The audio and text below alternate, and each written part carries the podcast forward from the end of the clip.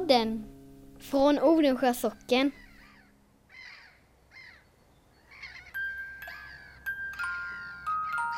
Och nästan varje lördagkväll så gjorde han sig fin. Skjorta, slips, kostym. Cyklade sakta, sakta bort. För han skulle få se Anna.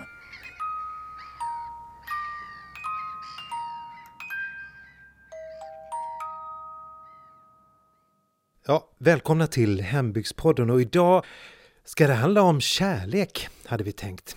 Och olycklig kärlek, tyvärr. Och människor som faktiskt blev förälskade men hade problem på vägen. Som det ofta var förr i tiden, när man hör mycket berättelser tycker jag. Ja, och det verkar ju varit det här att alltså man fick ju inte bestämma själv. Eller många fick inte det. Utan då var det föräldrar eller andra som Nej, det dög inte. Utan det skulle ju vara, ja, passa så att man kunde få en gård som blir lite större eller...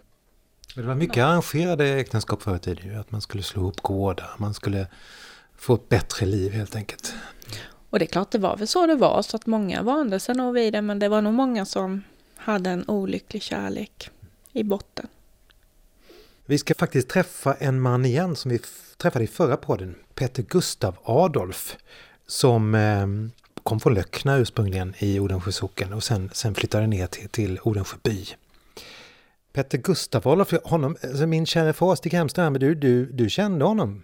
Mm. Jag kände honom väl för han var sån här dagsverkare i byn. Det fanns inte många sådana på den tiden.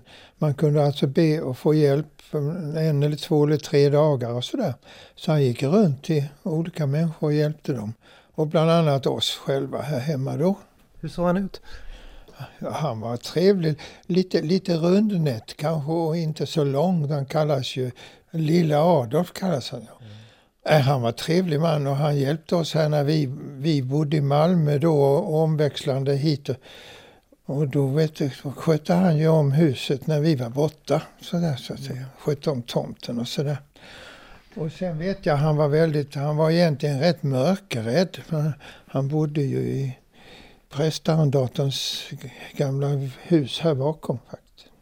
Bredvid prästgården i Odensjö? Ja, just det.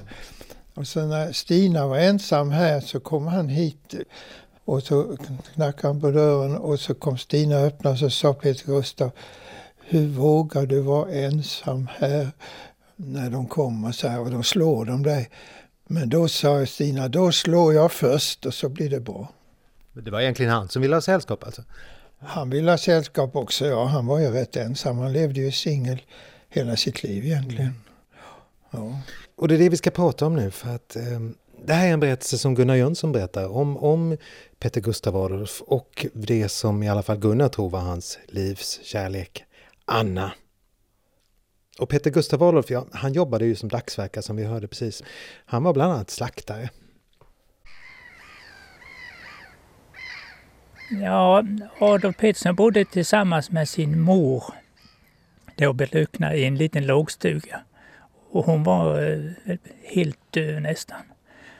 Var det någon som skulle prata med henne så hade hon en koppartratt.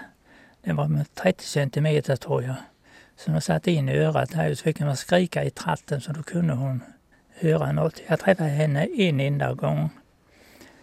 För min far, han sa att eh, vi ska slakta den och den dagen, sa han.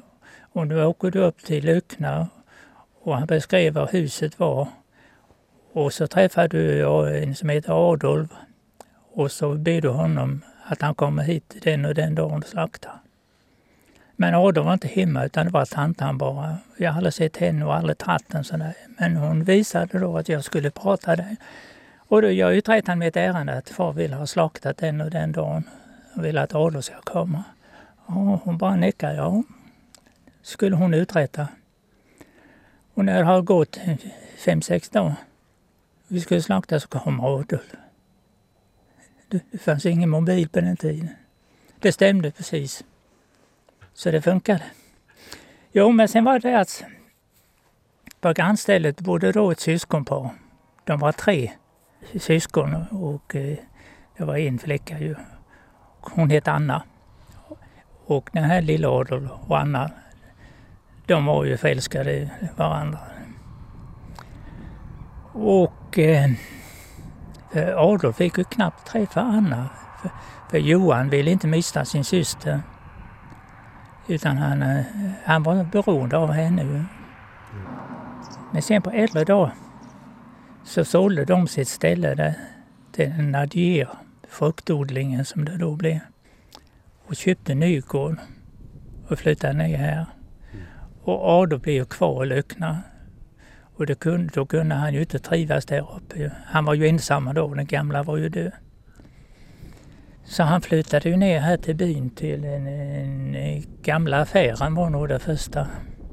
Wennestens som låg ut med vägen. Där bodde han då några år. Men så hade han då en bror som blev kvar i Lyckna.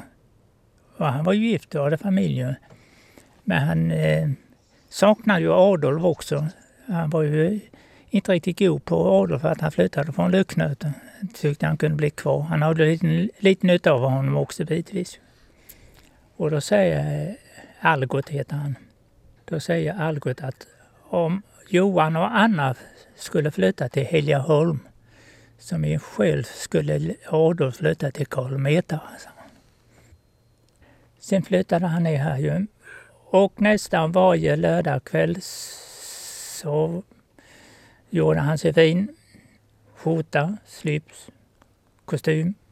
Cyklade sakta, sakta bort. För han skulle få se Anna och sitta och prata med henne lite. Men aldrig själv, utan Johan satt den andra sidan bordet och vaktade. Han fick aldrig vara ensam med henne? Han fick aldrig vara ensam. Och eh, sen blev Adolf sjuk. Så de, de sista veckorna så var han i, på lasarettet i Ljungby, tror jag det var. Och då var Gustav Olsson där och hälsade på honom. Och då sa han att nu, nu vill jag be dig om min sista tjänst. Och det är att du ska åka bort till Anna och tala om för henne att hon, hon ska komma hit. Jag vill träffa henne en gång till. Och det gjorde Gustav. Han var borta och sa till Anna det att hon ska åka och hälsa på Adolf. Men eh, hon fick inte åka själv utan Johan följde med då också. In i det sista. Och till och med följde med in på rummet då så de fick aldrig vara själva.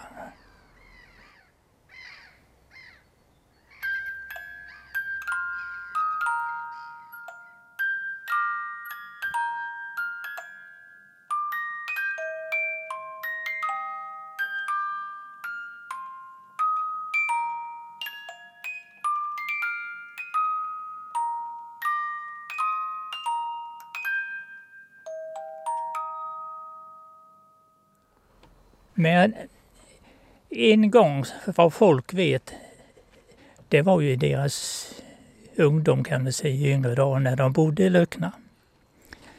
Så var det så att när de fiskade med rev på höstarna så var det ett par pojkar ifrån Vret.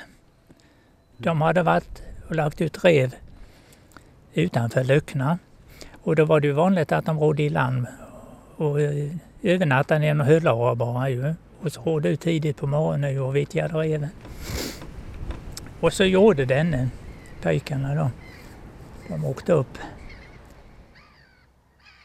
Så skulle de gå in och lägga sig i, i en höllare och då var ju Johan och Annas höllare närmast där.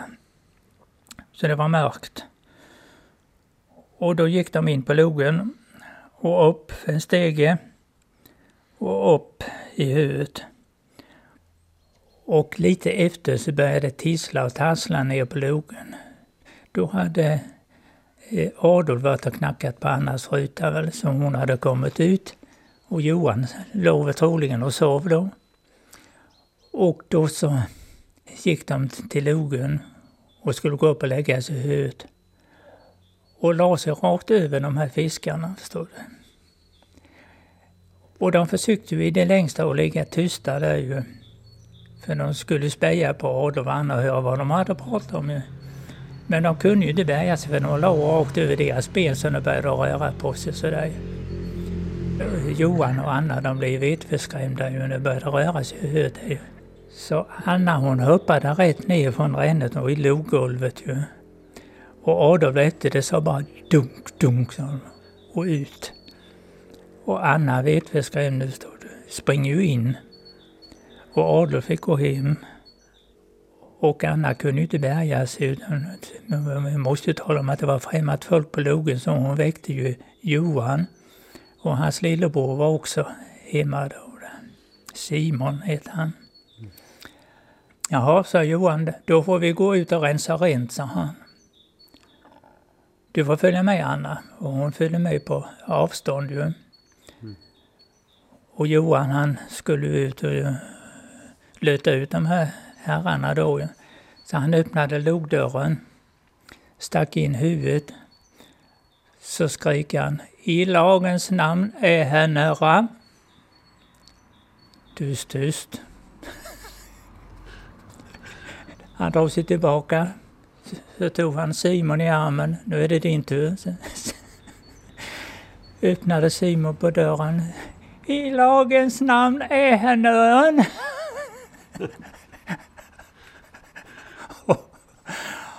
och så gick tillbaka. Så säger Johan, nej du Anna, nu har det slagit över för det. Här är inte en människa, sa han. Så de gick in. Och de andra de, de somnade och hörde och sen gick de och vittjade sin rev ju. Och så blev det en historia med lite tillägg, skulle jag tro. ja. Mm. Varför fick de aldrig gifta sig de här två om de var så himla förtjusta i varandra? Nej, Johan kunde inte vara utan sin syster. Han var rädd att Adolf övertog Anna ju. Och han skulle aldrig klara sig själv. Han hade tummen mitt i handen. Han, han, han kunde knappt göra något ju. På egen hand. Så du, varför kallades han Peter Gustav Adolf?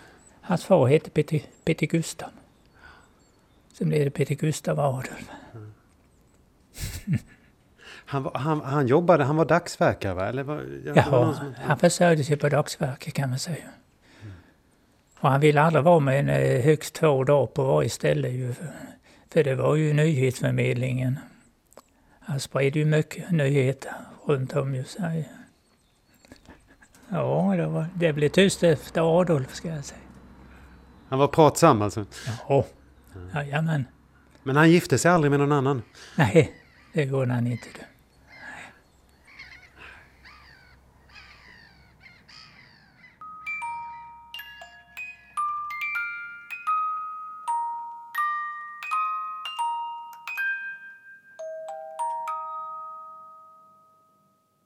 Petter Gustav Adolf och Anna. Det var historien om dem. Men du träffade ju också Petter Gustav Adolf, eh, pappa, eh, mot slutet av hans liv. Jo, då, han, eh, vi träffades ju rätt ofta då. Han fick ju en sjukdom som han fick behandling för i Lund så han åkte med oss ner och bodde hos oss i Malmö. Och eh, så kommer jag mycket väl ihåg när vi kom ner på gatan, han och jag ifrån där vi bodde och skulle gå en promenad på stan. Så tog han mig i handen och höll den hårt och sa O Stig, hur kan du bo här bland allt detta levande? Så. Det var staden som skrämde honom alltså? Stan och, och Buljak skrämde mig, ja just det. han släppte ju inte min hand förrän vi var hemma igen. Mm.